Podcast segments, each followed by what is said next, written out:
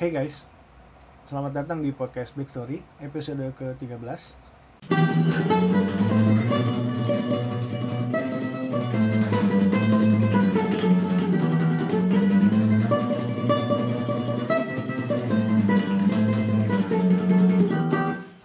Selamat berbuka puasa kalau lo dengerin ini lagi buka puasa. Selamat sahur kalau lo dengerin ini sambil dengerin sahur Dan selamat beraktivitas kalau lo dengerin ini lagi sambil aktivitas. Semoga lancar terus ya aktivitasnya ya. Hari ini gue mau bahas Tentang serial-serial seru Yang gue tonton. Serial luar aja ya kita bahasnya. Kalau serial Indo pasti gue uh, singkat aja serial Indo. Favorit gue uh, The East Net uh, Oke okay Jack. Net dan yang ketiga Cinta dan Rahasia. Net I love you Net tiga serial itu yang untuk untuk di serial Indonesia. Gue suka banget. Dan nggak pernah kelewat satu episode pun. Kalaupun kelewat diingetin gue masih ingat gitu ceritanya. Sekarang kita masuk ke serial-serial barat ya. Favorit gue urutan 1 sampai terakhir. Urutan pertama The Last Ship. The Last Ship kapal terakhir ya. Urutan kedua SEAL Team urutan ketiga Station 19 urutan keempat uh, Lie to Me. Urutan kelima Shooter. Dan urutan keenam Switch. Nah nama-nama itu kalau lo nggak tahu coba cari aja. Yang sekarang lagi gue tonton itu Switch. Switch ini bercerita tentang apa ya dari namanya kan switch atau pakaian gitu ini bercerita tentang pengacara. Pengacara yang eh, ya tentang pengacara. Tentang bagaimana pengacara itu eh, sikap pengacara di balik eh, pakaiannya. Ini waktu gue pertama nonton gue pikir cuma berapa cuma satu dua season gitu. Jadi gue ngabisin dalam sehari. Jadi waktu waktu season waktu season satu gue ngabisin dalam sehari eh sorry. Beberapa hari doang lah. Entar dua apa tiga hari gitu. Tapi gue maraton gitu loh. Soalnya kayak seru banget ceritanya. Mau mikir sih cuman gue nggak mau mikirin gitu. Ini uh, series ini mikir mikir banget karena dia mau ngebahas tentang pekerjaan pengacara asisten pengacara terus uh, kepemimpinan di law firm gitu tapi gue nggak mau mikirin jadi yaudah gue nonton aja apa pun yang dia lakuin ya udah gue tonton gitu. Nah yang gue pikirin tuh oh ini seru nih gue habisin gitu. Pas episode terakhir di ending ternyata lanjut dong ke season 2 anjir. Gue pikir udah habis. Di season 2 gue melakukan yang hal yang sama. Gue pikir ya udahlah season 2 habis lah gitu pas udah ending season 2 eh masih next lagi dong season 3 sampai season 3 akhirnya gue cek tuh di Netflixnya. Ini sampai berapa season sih? Ternyata sampai 8 coy. Di Netflix sih baru ada 7 ternyata sampai 7 season. Dan dari awal puasa oh enggak sorry sorry. Dari sebelum puasa malah. Sampai hari ini saat gue rekaman ini gue udah sampai ke season 6 episode 6 gila ya. Di tengah eh, padatnya waktu gue masih sempat sempatnya nonton series. Ya tapi seru gimana dong? Ya. Switch gue gak bisa cerita banyak karena ini cerita, eh, mikir banget. Tapi gue nggak mau mikirin gitu. Jadi yang bisa gue uh, simpulin sih tentang apa ya? Uh, kadang lo harus uh, dihadapkan dengan pilihan antara lo setia atau lo berkhianat. Atau lo em, melakukan hal buruk untuk hal yang nggak orang-orang suka untuk melindungi orang yang lo sayang tapi em, mereka nggak suka gitu. Tapi itu untuk melindungi gitu atau lo harus berbohong demi eh, semuanya lancar. Tapi ada saatnya lo akan jujur sekalipun itu akan memperparah keadaan gitu. Dan yang eh, pelajaran penting yang dari switch ini yang gue dapat eh, lo bisa bebas eh, nyelesain masalah gimana gimana cara lo nyelesain masalah. Cuman eh, lo harus tanggung resikonya dan dua hal yang nggak boleh lupa. Jangan lupa bilang terima kasih. Jangan lupa bilang maaf. Terima kasih kalau misalnya orang itu sudah membantu. Dan maaf kalau misalnya lo mengecewakan dia gitu. jangan pernah ragu untuk bilang dua hal itu. Gitu deh switch. Next gue bahas apa dulu ya? Lie to me kali. Karena ini uh, lie to me udah lama banget gue nggak nonton. Itu ada tiga season kalau nggak salah me ini kenapa gue suka? Karena uh, dia tuh mik uh, seriesnya mikir tapi bikin kita sok tahu gitu.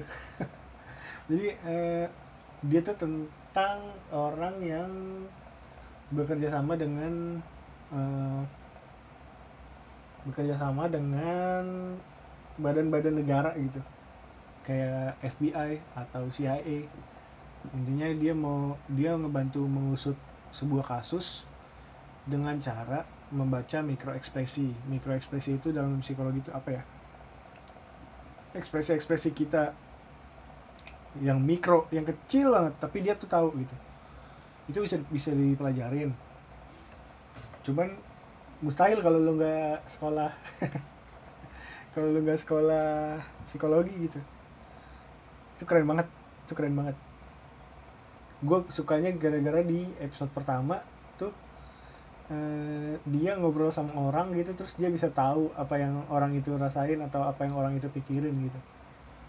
Bukan kayak dukun ya cuman eh, dari ekspresi itu kelihatan kalau misalnya dia khawatir atau dia bohong atau dia seneng gitu.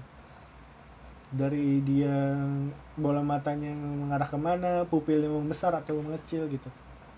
Seru banget ya lu jadi kayak sok-sok tahu tentang mikro ekspresi gitu loh. Jadi kalau misalnya lu ngobrol sama orang lu jadi sok tahu deh pokoknya. Pas pas lagi lu ngobrol sama orang nih orang bohong deh kayaknya nih. Soalnya ininya gini gitu. Gitu dari Light to Me pesannya dari sana apa ya? Ada hal baik eh, yang dihalangi tapi lo bisa bantu dan lo harus bantu gitu. Jadi eh, dengan kemampuan itu gimana caranya lo eh, meyakinkan orang lain untuk eh, menyelesaikan sebuah case? Gitu deh Lie to Me. Berikutnya ya gue nggak mau paling nggak mau bahas yang favorit gue dulu. Kita bahas shooter. Shooter ini tentang penembak jitu. Eh, salah satu karakternya gue lupa namanya lagi anjir ini favorit tapi kok gue lupa namanya gitu. Siapa ya? Ah ya udahlah. Jadi si shooter ini tentang penembak jitu eh, ex marine. Eh, ex you apa ya pokoknya? Ex seal team. Ex seal team. Seal team apa navy? Apa marine? Marinir kayaknya deh. Ex marine eh, dia tugasnya selesai eh, karena temen seperjuangannya eh, udahan gitu. Atau meninggal. Nah ini eh, ceritanya tentang highlightnya adalah skill keluarga pengkhianatan dan detail oriented. Skill itu dari skill menembaknya dia yang dia terus buktikan dengan hal-hal kecil gitu kayak orang ragu ini apakah ini beneran dia atau ini orang lain terus dia eh, ada orang lain yang bantuin ngelempar botol ke atas terus botolnya ditembak gitu. Terus eh, ada yang analisis skill yang dia dipakai untuk eh, yang membuat orang memakai dia untuk menganalisa lokasi gitu-gitu deh. Highlights berikutnya tuh dari shooter pengkhianatan. Karena inti cerita ini tuh emang tentang pengkhianatan aja pengkhianatan yang berkelanjutan gitu. Berkelanjutan dan beruntun gitu. Jadi ceritanya dia mantan kapten itu ngedatengin dia untuk minta tolong untuk perlindungan kepada presiden Amerika. Katanya ada yang ada penembak itu yang mau membunuhnya.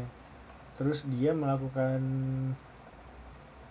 dia melakukan riset kira-kira penembak ini akan ada di mana kira-kira ditembak dari jarak berapa kira-kira strateginya penembak yang akan nembak presiden Amerika ini gimana gitu.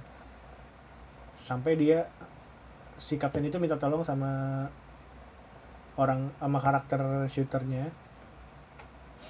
Akhirnya diterima karena mereka dulu dekat banget percaya. Tapi ternyata pas hari H dia dijebak. Uh, dia ke tempat uh, penembakan itu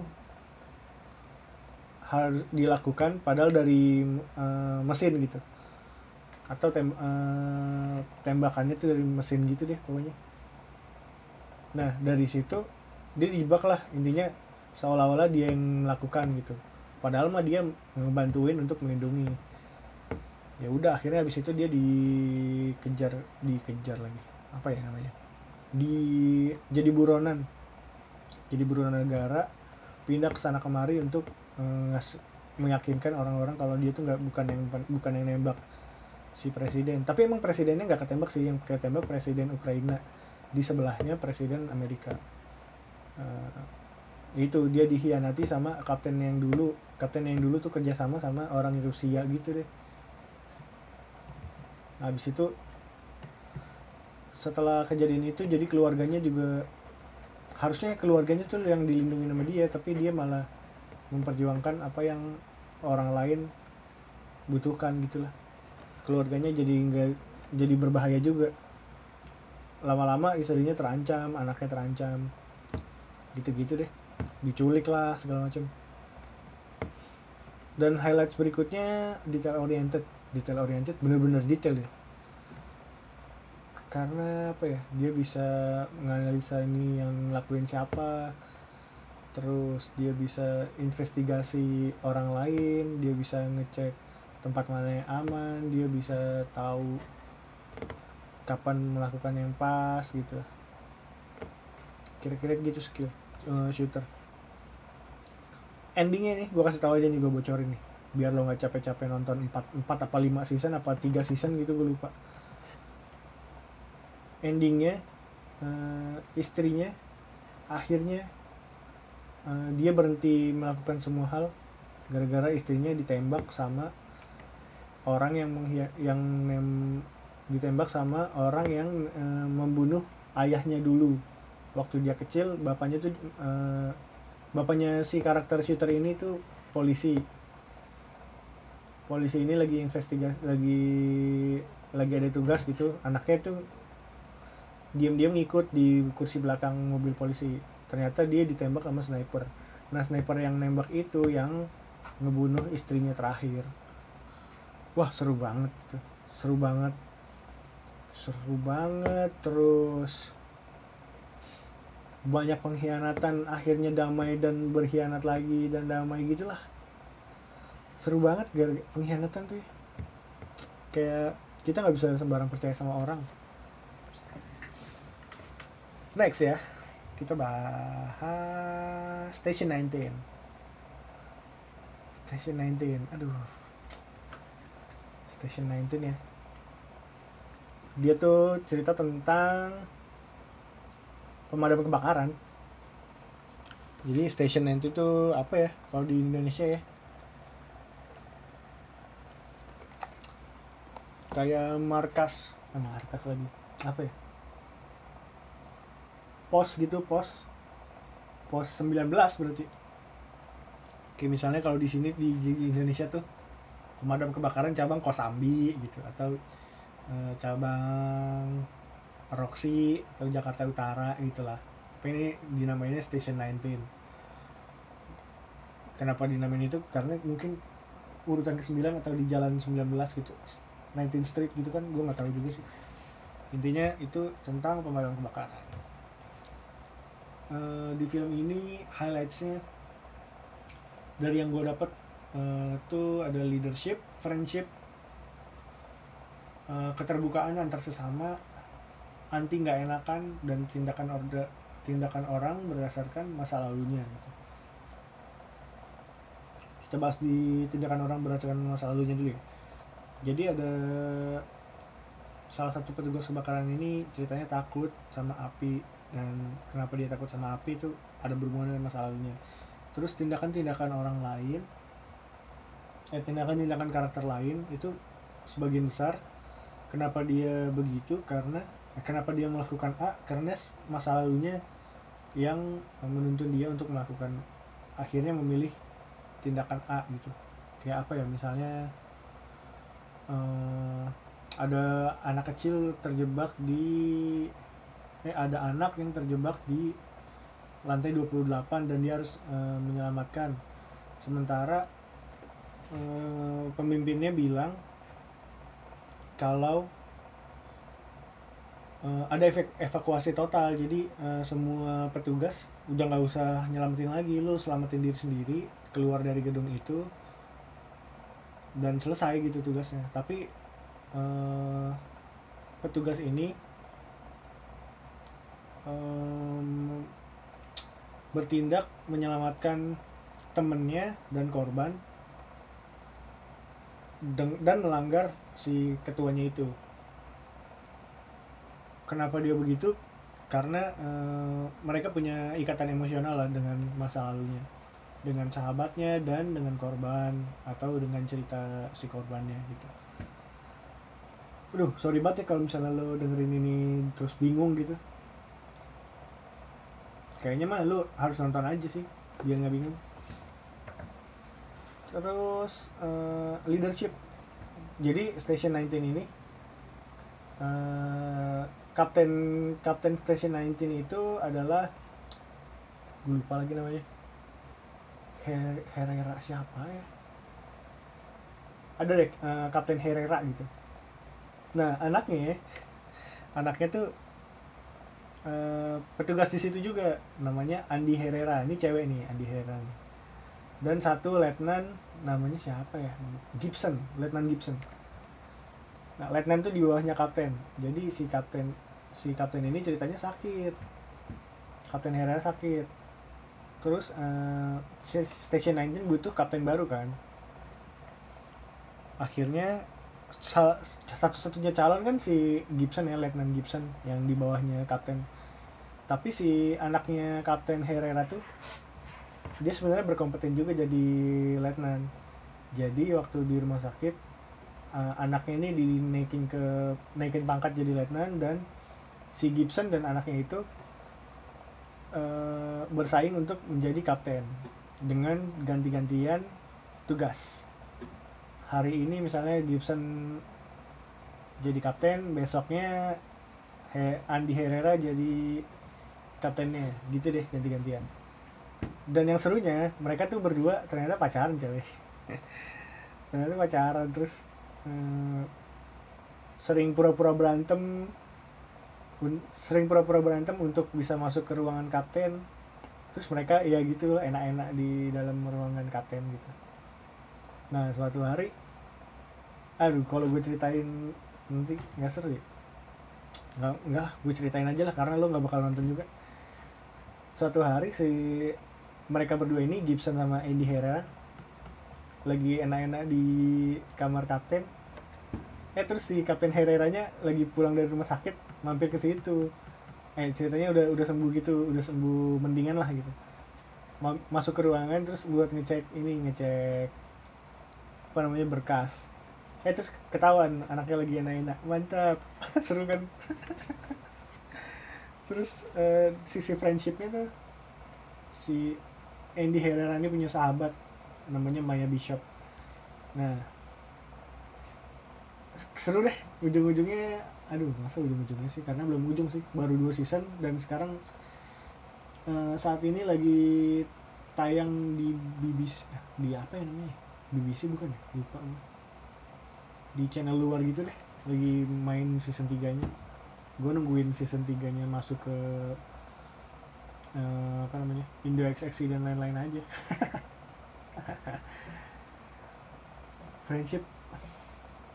Banyak karakter yang menceritakan friendship gitu kayak saling membela saling saling support gitu satu sama lain. Apalagi ini pemadam kebakaran jadi dia saling ngebantu dan saling melindungi. Nah yang paling gua salut tuh mereka tuh anti banget nggak enakan kalau misalnya itu ada apa-apa terbuka gitu. Jadi misalnya antara sahabat ini ada yang satu yang bersikap nggak enak dia akan langsung ngomong lo kenapa? gitu. Beda banget kan sama kita kalau misalnya kita kan nah, apa sih nih orang nih? gitu. Terus kita jadi spe- spekulasi kan. Apa dia apa gue salah gara-gara ini apa gue salah gara-gara itu. Nah kalau di station 19 ini ngajarin banget lo kalau ada sesuatu ya lo bilang sama orangnya langsung gitu. Sama ada yang gak suka sama orang lain dia bilang. Ada yang ngeganjel gitu sama sikap temennya dan dia nggak suka dia bilang. Terus eh, suka sama orang lain gitu terus dia bilang gitu loh. Jadi eh yang bakat yang ngajarin banget di stasiun 19 yang gue inget banget itu keterbukaan antar sesama dan anti gak enakan. Yang bang yang pengen banget gue pelajarin. Seru seru banget. Lo harus nonton Station 19 apalagi kalau misalnya di kantor lo. Apalagi kalau misalnya di kantor lo itu leadershipnya friendshipnya atau gaya kerjanya tuh gak enak gitu. Lo nonton deh ntar lo bakalan tahu kerjaan yang enak tuh kayak gimana gitu berikutnya masih ada dua nih Seal Team sama The Last Ship. Favorit gue sih The Last Ship ya. Apa gue bahas Seal Team dulu apa The Last Ship dulu nih? Seal Team dulu deh panjang lagi anjir. Seal Team. Itu tentang ya Seal Team. Pasukan khusus Amerika gitu. Angkatan laut Eh, eh, ini diceritainnya tuh Bravo Team ya. Tim Bravo di di SEAL Team tuh ada beberapa tim. Jadi kayak ada Alpha Bravo Charlie Delta Eagle. Eagle tuh biasanya yang ini apa? Jet jet gitu. Kalau Alpha, Alpha Bravo Charlie Delta itu biasanya mereka eh, bekerja sama pas lagi hari H eksekusi Eh, mereka tuh saling support, rantai komando dan emosi. Itu highlightnya. Gue paling suka sama peran masing-masing tim Bravo sih.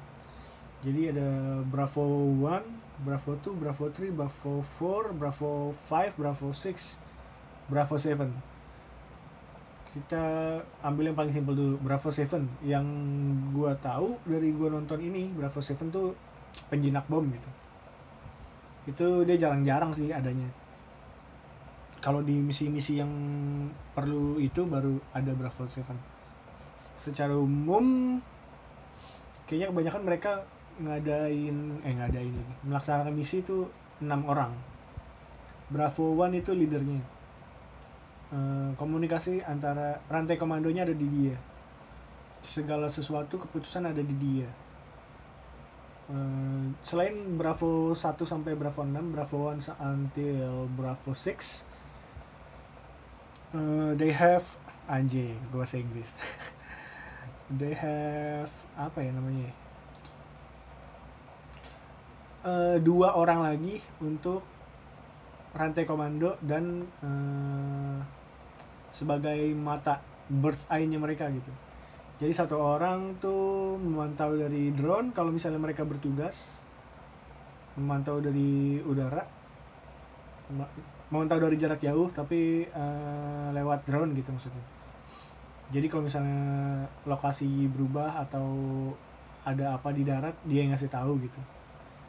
Karena si SEAL Team ini kan misinya harus kadang-kadang harus bukan kadang-kadang ya, lebih sering silent silent gitu. Jadi berangkat jam berangkat misi jam 12 malam. Nyampe lokasi jam 4 pagi. Jam 4 eksekusi jam 5 cabut jam 6 selesai gitu loh. Nah jadi poin pentingnya peran si pengawas itu buat ngejagain mereka dari jarak jauh. Ada lagi? Satu lagi tuh kayak apa ya kalau di kita tuh road manager gitu lah. Masa road manager sih gue bilang kayak commander tapi commandernya tuh nggak turun ke lapangan gitu. Jadi dia eh, ngejagain antara bravo team an- dan komando teratas. Jadi kalau bravo saat bravo one punya plan disampaikan ke orang ini orang ini nyampein ke eh, jajaran atas gitu. Nanti mereka dia yang deal dealan sama jajaran atas. Kalau misalnya jajaran atas atau birokrasinya tuh sulit dia akan memperjuangkan gimana caranya Bravo One dan Bravo Team itu menyelesaikan misi dengan baik. Intinya dia tuh kayak apa ya penengah sih. Dia dimarahin dari atas bisa dimarahin dari bawah bisa. Gitu. Itu kalau di kantor kayaknya manajer. mereka tuh saling support orang emosi juga mempengaruhi ya. Tentara emang emosi berpengaruh sih. Berpengaruh sama misi gitu. Sensitif banget soalnya. Bravo One leadernya. Bravo 2 itu eh, apa ya namanya? Operatornya bukan operator. Second man-nya si Bravo One. Jadi setiap misalnya misi-misi jarak dekat atau yang silent gitu, yang ngebuka jalan selalu Bravo 2. Bravo One sama Bravo 2 selalu berjajar lah gitu. Tapi untuk masuk pertama selalu Bravo 2. Karena Bravo kenapa harus Bravo 2 duluan? Karena kalau Bravo One masuk dan dia kena tembak atau mati duluan ya kan siapa yang memimpin gitu. Oke, lanjut ya.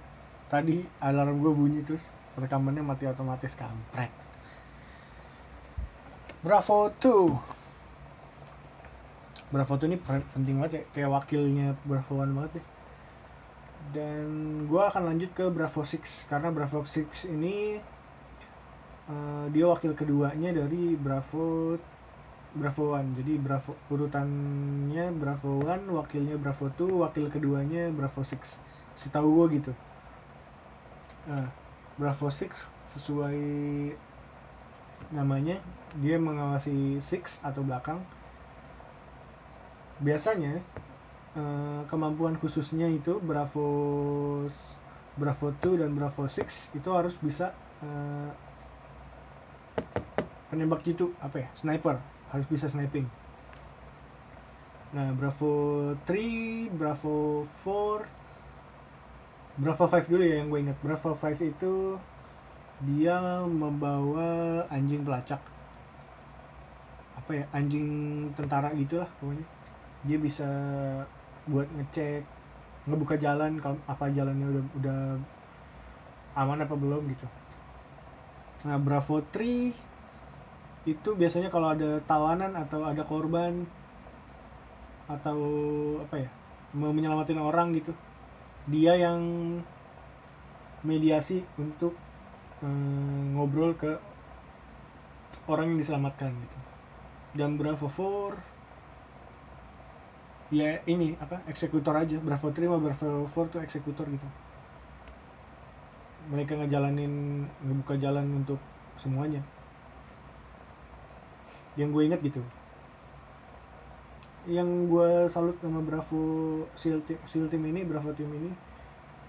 Saling support sih sama rantai komandonya itu bagus. Suatu hari ceritanya eh, ada orang yang diragukan untuk masuk ke Bravo team. Jadi eh, Bravo One ini si ketuanya ini nggak percaya sama orang itu tapi Bravo tuh percaya karena skill anak baru ini eh, cukup mantap gitu. Akhirnya si Bravo tuh ngeyakinin Bravo One untuk ngerekrut anak baru ini. Jadilah dia Bravo 6 serunya lagi dia sebagai Bravo 6 kadang-kadang eh, apa ya namanya anak baru gitu kadang nggak tahu gitu. Tapi skillnya tuh oke. Suatu hari si Bravo 2 itu cedera tangannya dan dia melakukan kesalahan apa gitu. Kalau nggak salah ngelempar granat tapi nggak kena terus anak kecil meninggal. Jadi dia dibebas tugaskan dulu sementara untuk dia jadi ngelatih eh, calon-calon anggota SEAL team lain. Dan Bravo tuh harusnya si waktu itu diisi sama Bravo 3 jadi Bravo 3 naik ke Bra- Bravo 2 gitu. Cuman si Bravo 1 nya ini nggak cocok sama Bravo 3 yang jadi Bravo 2 sekarang. Jadi dia ngerekrut eh, si Bravo 6 tadi yang dia ragukan skillnya akhirnya jadi Bravo 2 sekarang. Nah udah deh mereka jadi saling ini saling kerjasama gitu.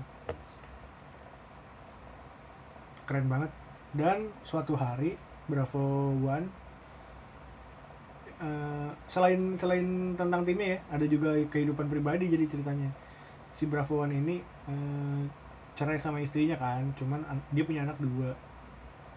Jadi eh, hubungannya tuh nggak lancar gara-gara tugasnya gitu loh. Jadi meskipun dia di rumah tapi pikirannya tuh ke tugasnya mulu. Akhirnya eh, dia marahan kan marahan. Suatu hari si istrinya mantan istrinya ini pergi si cowok si Bravo One ini curhat mau curhat. Tapi set, set- lagi stres gitu. Sama yang mantannya itu disuruh curhat tapi nggak mau. Akhirnya mantannya gue cabut dulu deh beli minuman buat kita. Cabut lah dia ke ke supermarket. Terus eh, datang lagi ada orang ngetok pintu. Ternyata is- eh, itu petugas petugas polisi gitu ngasih tahu kalau mantan istrinya meninggal tabrakan. Udah stres kan Bravo One-nya? Bravo One stres sementara misi masih jalan. Anak-anaknya udah nggak punya ibu lagi. Ya udah jadinya dia memutuskan untuk eh, nggak tugas dulu. Akhirnya Bravo One diisi sama nggak bisa diisi sama Bravo 2 sama Bravo 6 karena belum berkompeten atau si leader-leader atasnya tuh nggak belum percaya gitu akhirnya diisi sama eh, pelatih apa ya namanya?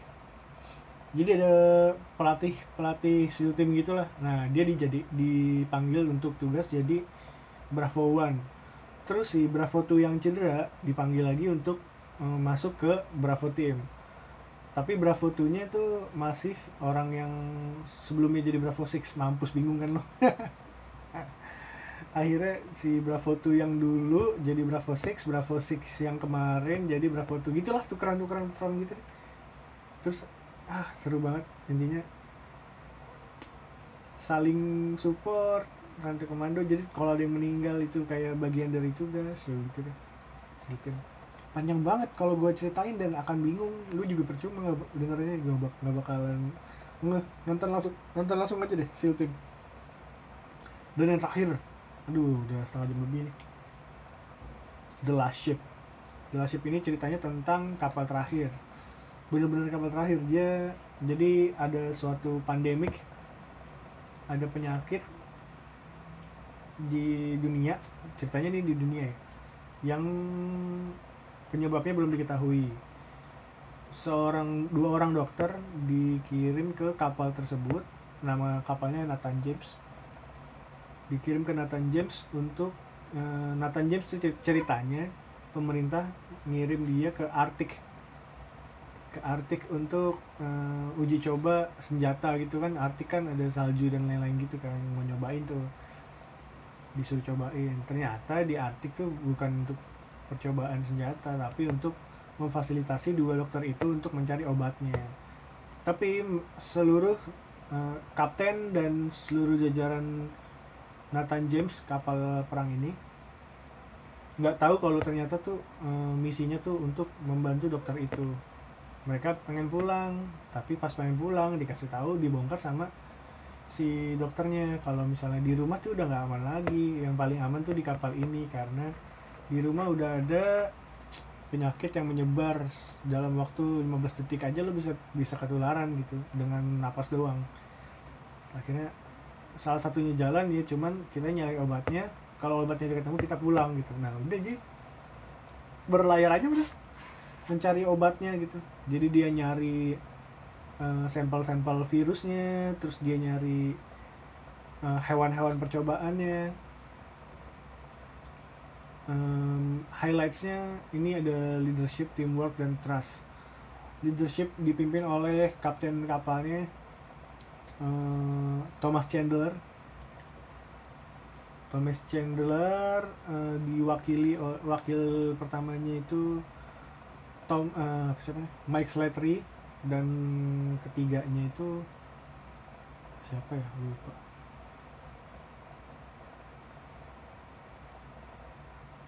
Aduh gue lupa. Pokoknya ada tiga tiga kapten tiga pemimpin gitu di kapal itu udah tuh akhirnya dia nyari obatnya sesimpel ini ada penyakit obatnya dicari sama dokter itu gitu seasonnya ada lima season pertama aja eh, bagi nyeritain dia nyari obatnya lalu season kedua eh, season pertama dia nyari obatnya dan mencoba untuk menyebarkannya. Season kedua masih untuk menyebarkannya. Season ketiga juga masih menyebarkan obatnya tapi melalui Asia gitu. Season keempat juga masih begitu. Nah, season kelima melawan sama Amerika Utara gitu deh. Jadi season pertama halangannya dia di dokter itu mencari obatnya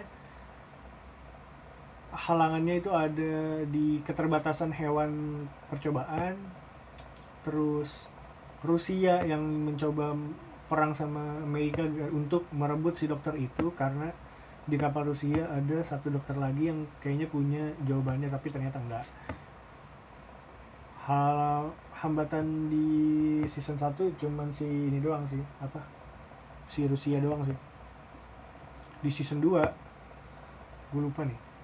Hambatannya ada hambatan itu dari pemerintahnya sendiri pemerintahnya sendiri yang eh, berkhianat karena ternyata dia kerjasama sama orang-orang kebal gitu. Nah orang-orang kebal ini punya kapal selam. Tai lah kapal selam yang punya tenaga nuklir. Dia harus eh, merebut obatnya gitu deh. Dia tugasnya memusnahkan obatnya jadi biar nggak disebar. Jadi yang menguasai dunia itu orang-orang kebal itu season 3 4 halangannya sama Jepang sama pembajak laut sama China sama oh ya season 3 itu. Season 4 eh, halangannya sama siapa itu? Yunani kapal perang Yunani. Jadi eh, ada obat yang diciptain sama eh, timnya Yunani itu ilmuwan Yunani gitu yang nyebarin eh, yang bikin eh, orang tuh nggak bisa emosi lagi gitu. Nah itu lawannya tuh si kapal perang Yunani. Season 5 lawannya eh, North Korea. Eh North Korea North America. Gitu deh. The Last Ship itu semua eh, serial-serial seru yang udah gue tonton selama ini yang menurut gue seru banget. Silakan tonton. Dan gitu aja deh. Gue capek banget capek ngomong. Panjang terus kayaknya nggak jelas ya. Lu kasih tahu gue kasih tahu gue kalau misalnya lo ngomongnya muter-muter deh apa kurang kurang kurang kebayang gitu sama pendengarnya gitu karena kayaknya emang susah sih ngejelasin series dalam pendek tapi ada banyak gitu. Gue harus nginget gue harus ngomong tapi itu belajar. Gitu. Ntar lain kali gue bahas per satu judul kali ya. Jadi lumayan tuh dapat 6 episode tuh. Oke, thank you ya udah dengerin. Please kasih feedback atau saran kalau lo dengerin ini kasih tahu gue. Kalau ada topik yang menurut seru bisa DM aja ke Instagram gue atau komen di postingan promo. See you in the next episode. Wassalamualaikum.